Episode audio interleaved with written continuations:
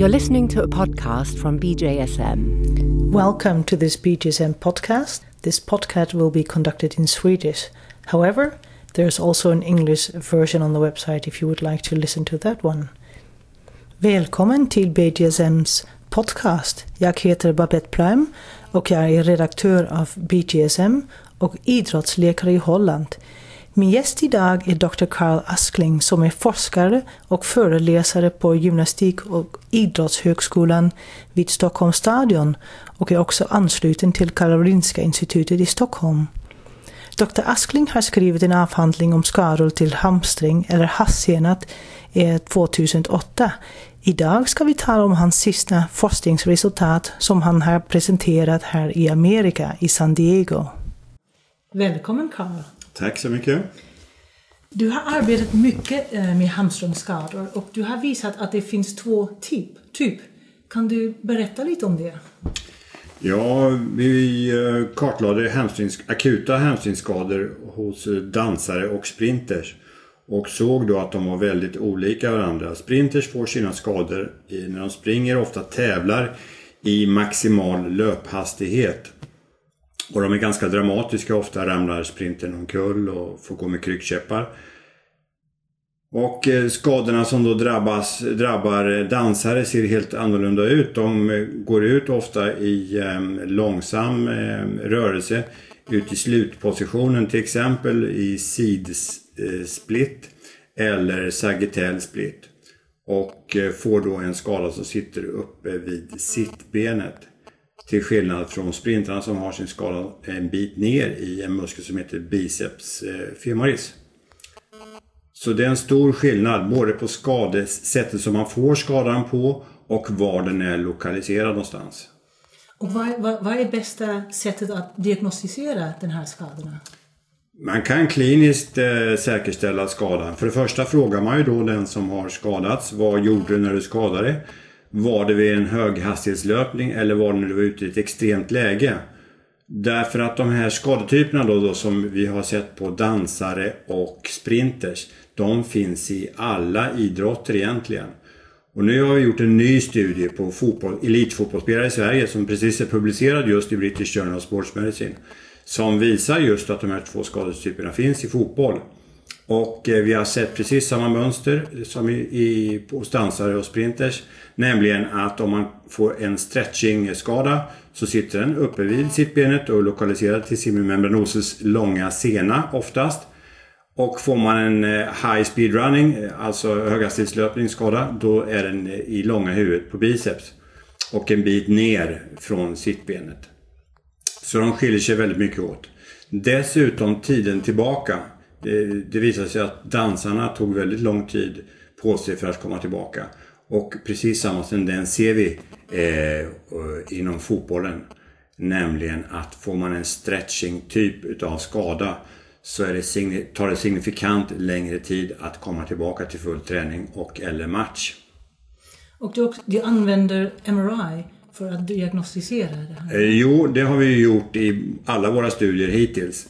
Och eh, eh magnetkameraundersökning är eh, fantastiskt eh, bra undersökningsmetod för att verkligen se hur skadan, mäta skadan.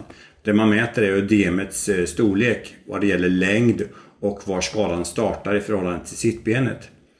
Och då har vi fått fram en hel del intressanta fynd som också stämmer överens då med det vi såg på sprinters och dansare. Nämligen att om skadan involverar någon av de fria scenerna som kommer uppifrån sittbenet så har man sämre prognos. Det tar alltså längre tid att komma tillbaka. Likadant om skadan är längre, om ödemet är längre longitudinellt så är det också förknippat med längre tid tillbaka. Så vi får mycket viktig information från magnetkameraundersökningarna. Dessutom i den här studien på fotbollsspelare så följde vi eh, ett antal fotbollsspelare som såg ut att ha en klassisk hänsynsskada under höghastighetslöpning under match och ah, hade alla kliniska fynd. Men när vi gjorde magnetkameraundersökningen så visade den noll fynd. Och eh, negativt fynd på magnetkamera är positivt för den som har utsatts för skadan. För då kommer man oftast tillbaka mycket snabbt. I snitt kom någon tillbaka efter sex dagar. Och jämför du det då med de här två andra grupperna som vi tittar på så är det mycket, mycket kortare tid tillbaka. Mm. Kan man också använda ultrasound för att diagnostisera den här skadan? Det kan man absolut göra men vi har inte tittat på det. Mm. Men det finns ju många studier där man har dokumenterat skadan med ultraljud. Problemet med ultraljud är ändå att det är operatör eh, avhängigt så tillvida att det är just för stunden man ser det här och man kan inte skicka bilderna och få dem bedömda av någon annan och jämföra som man kan göra med magnetkamera. Så magnetkameran är att föredra men det är en mycket dyrare undersökning. Eh, så att ultraljud fungerar absolut bra också. Mm. Och vad är bästa sättet att behandla eh, hamstringskador? Ja, på de här första studierna vi gjorde, det var deskriptiva studier. Det menas då att man tittar bara på naturalförloppet, hur lång tid det tar att komma tillbaka. Vi gjorde ingen intervention. Men på den här nya studien då, som jag talat om lite tidigare här, då så lottades de här fotbollsspelarna in till två olika grupper. Mm. Och eh, den ena gruppen fick då ett program bestående av konventionella hamstringsövningar som vi använder normalt sett. Och den andra gruppen fick då övningar där hamstrings utsätts för stor belastning under stor förlängning. Och eh, det intressanta är då att eh, den här gruppen som får de här längdförändrande övningarna eh, visar sig komma tillbaka mycket snabbare. Och det gäller då samtliga typer, eller de här två typerna av skador, både high speed running och stretching type. Plus det att de som hade den här fria scenen involverad, eh, även där funkar det här programmet eh, bättre än det vanliga konventionella programmet. Så det är klart intressant, eh, givetvis för fotbollen eh, och vi tittar ju även nu på friidrottare och andra idrotter med samma eh, program. Men det är jätteintressant, självklart för den aktiva, för fotbollsspelaren själv, för laget. För ett lag på elitnivå får räkna med cirka fem hamstringsskador per säsong om man har en eh, trupp på 25 personer. Ja, det är mycket. Det är mycket och det blir många dagar och mm. man missar mycket effektivitet på det klart. Hur vet man när de kan börja spela fotboll igen? Eh, ja, det här är ju det som vi alla tycker är väldigt svårt att eh, komma fram till när någon är säker. För återfallsskador är ett väldigt stort problem inom hamstringsskadeområdet. Och det beror säkert på två stycken saker. Det ena är att vi är för dåliga på att rehabilitera. Det andra är att de får gå tillbaka för snabbt och mm. okontrollerat.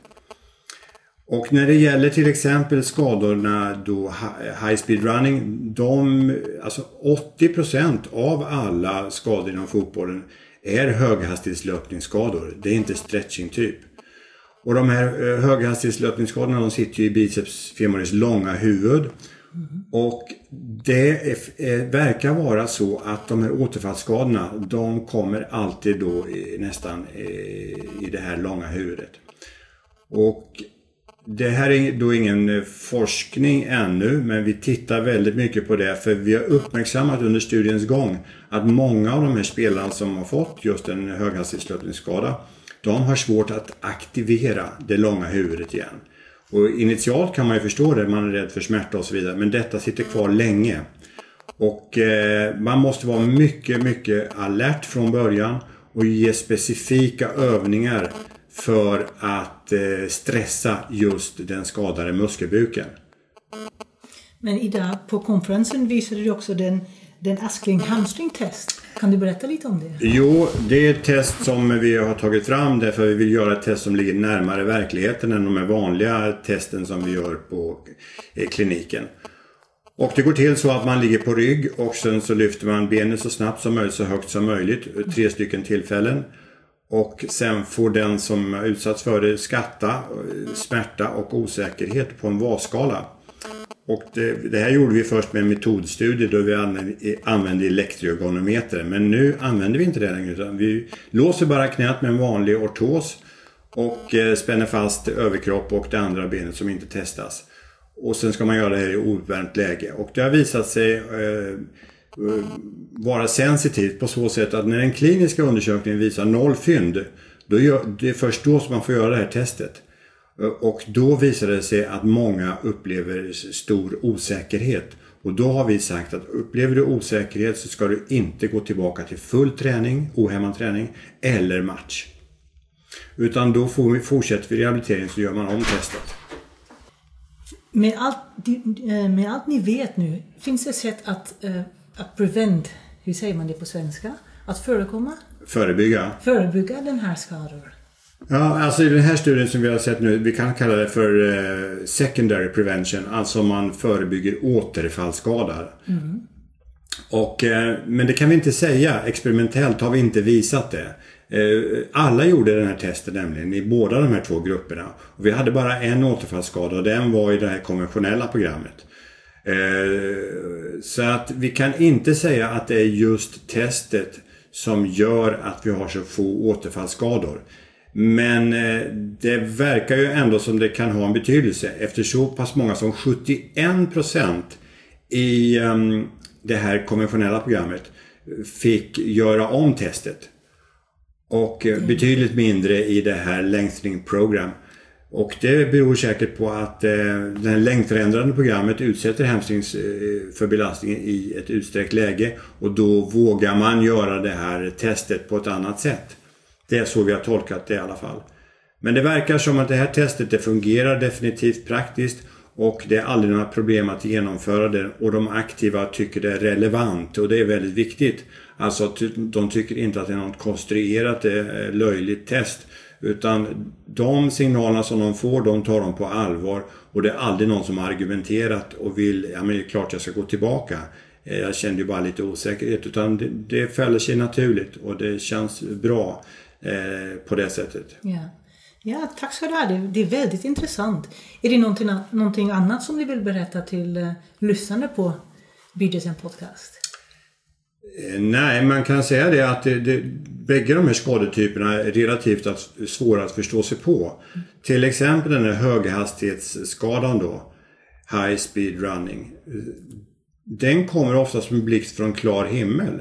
Den aktiva har inte känt någonting innan och sen gör man en höghastighetslöpning och får ett, ett jättehugg i muskeln. ofta en relativt stor eh, blödning eh, och eller ödem. Det är väldigt svårt att veta hur man ska förebygga när man inte ska spela, när man ska bryta en match till exempel. Va? Ja. Om det kommer då en spelare och säger att idag känner jag mig väldigt stel på ett nytt konstigt sätt. Då tycker jag verkligen att man ska fundera till på vad står det här för? Eh, men ofta är det så att man känner ingenting innan. Den andra typ, skadetypen, alltså stretching-typen, den kan väl på ett sätt vara lättare att förstå för du går ut med ganska hög, högt våld eh, i ett ytterläge. Ehm, och speciellt gäller det fotbollsspelare och det ska jag passa på att nämna det. När vi tittade på, på, på dansare så var de här skadorna väldigt lokaliserade uppe vid sittbenet och ödemet var ganska litet. Mm. Men så är inte fallet för fotbollsspelare. Skadorna startar på samma ställe som hos dansarna, alltså uppe vid sittbenet och involverar just den här semimembranosusmuskeln. Men de är långa ödemmässigt. De är minst lika långa i, i, i snitt som eh, sprintskadorna. Så, och det tror vi då beror på eh, faktumet att de här kommer ut i ett ytterläge men med hög hastighet också. Det är kombinationen. Och det blir samma skadetyp men större ödemmässigt och är större skador alltså. Och de tar ju ofta väldigt lång tid att komma tillbaka ifrån. Ja, ja. Nej, tack, tack ska du ha, väldigt intressant. Och jag har hört att ni ska också ha en, en svensk eh, BGSM-issue. Eh, ja. Ska ni skriva lite om eh, hamstringskador? Den där? Ja, jag, en, den här artikeln om fotbollsspelare den är accepterad och finns online nu. Och där finns de här övningarna inlagda, videosekvenser, på alla övningarna som ingår i studien. Så ehm, det kan jag rekommendera alla att läsa den studien som är intresserade av hänsynsskador. Och den artikeln kommer också in i det här numret som eh, kommer ut i Sverige och eh, i hela världen. Fantastiskt, vi ska ha en länk med det. Tack ska du ha. Tack så mycket.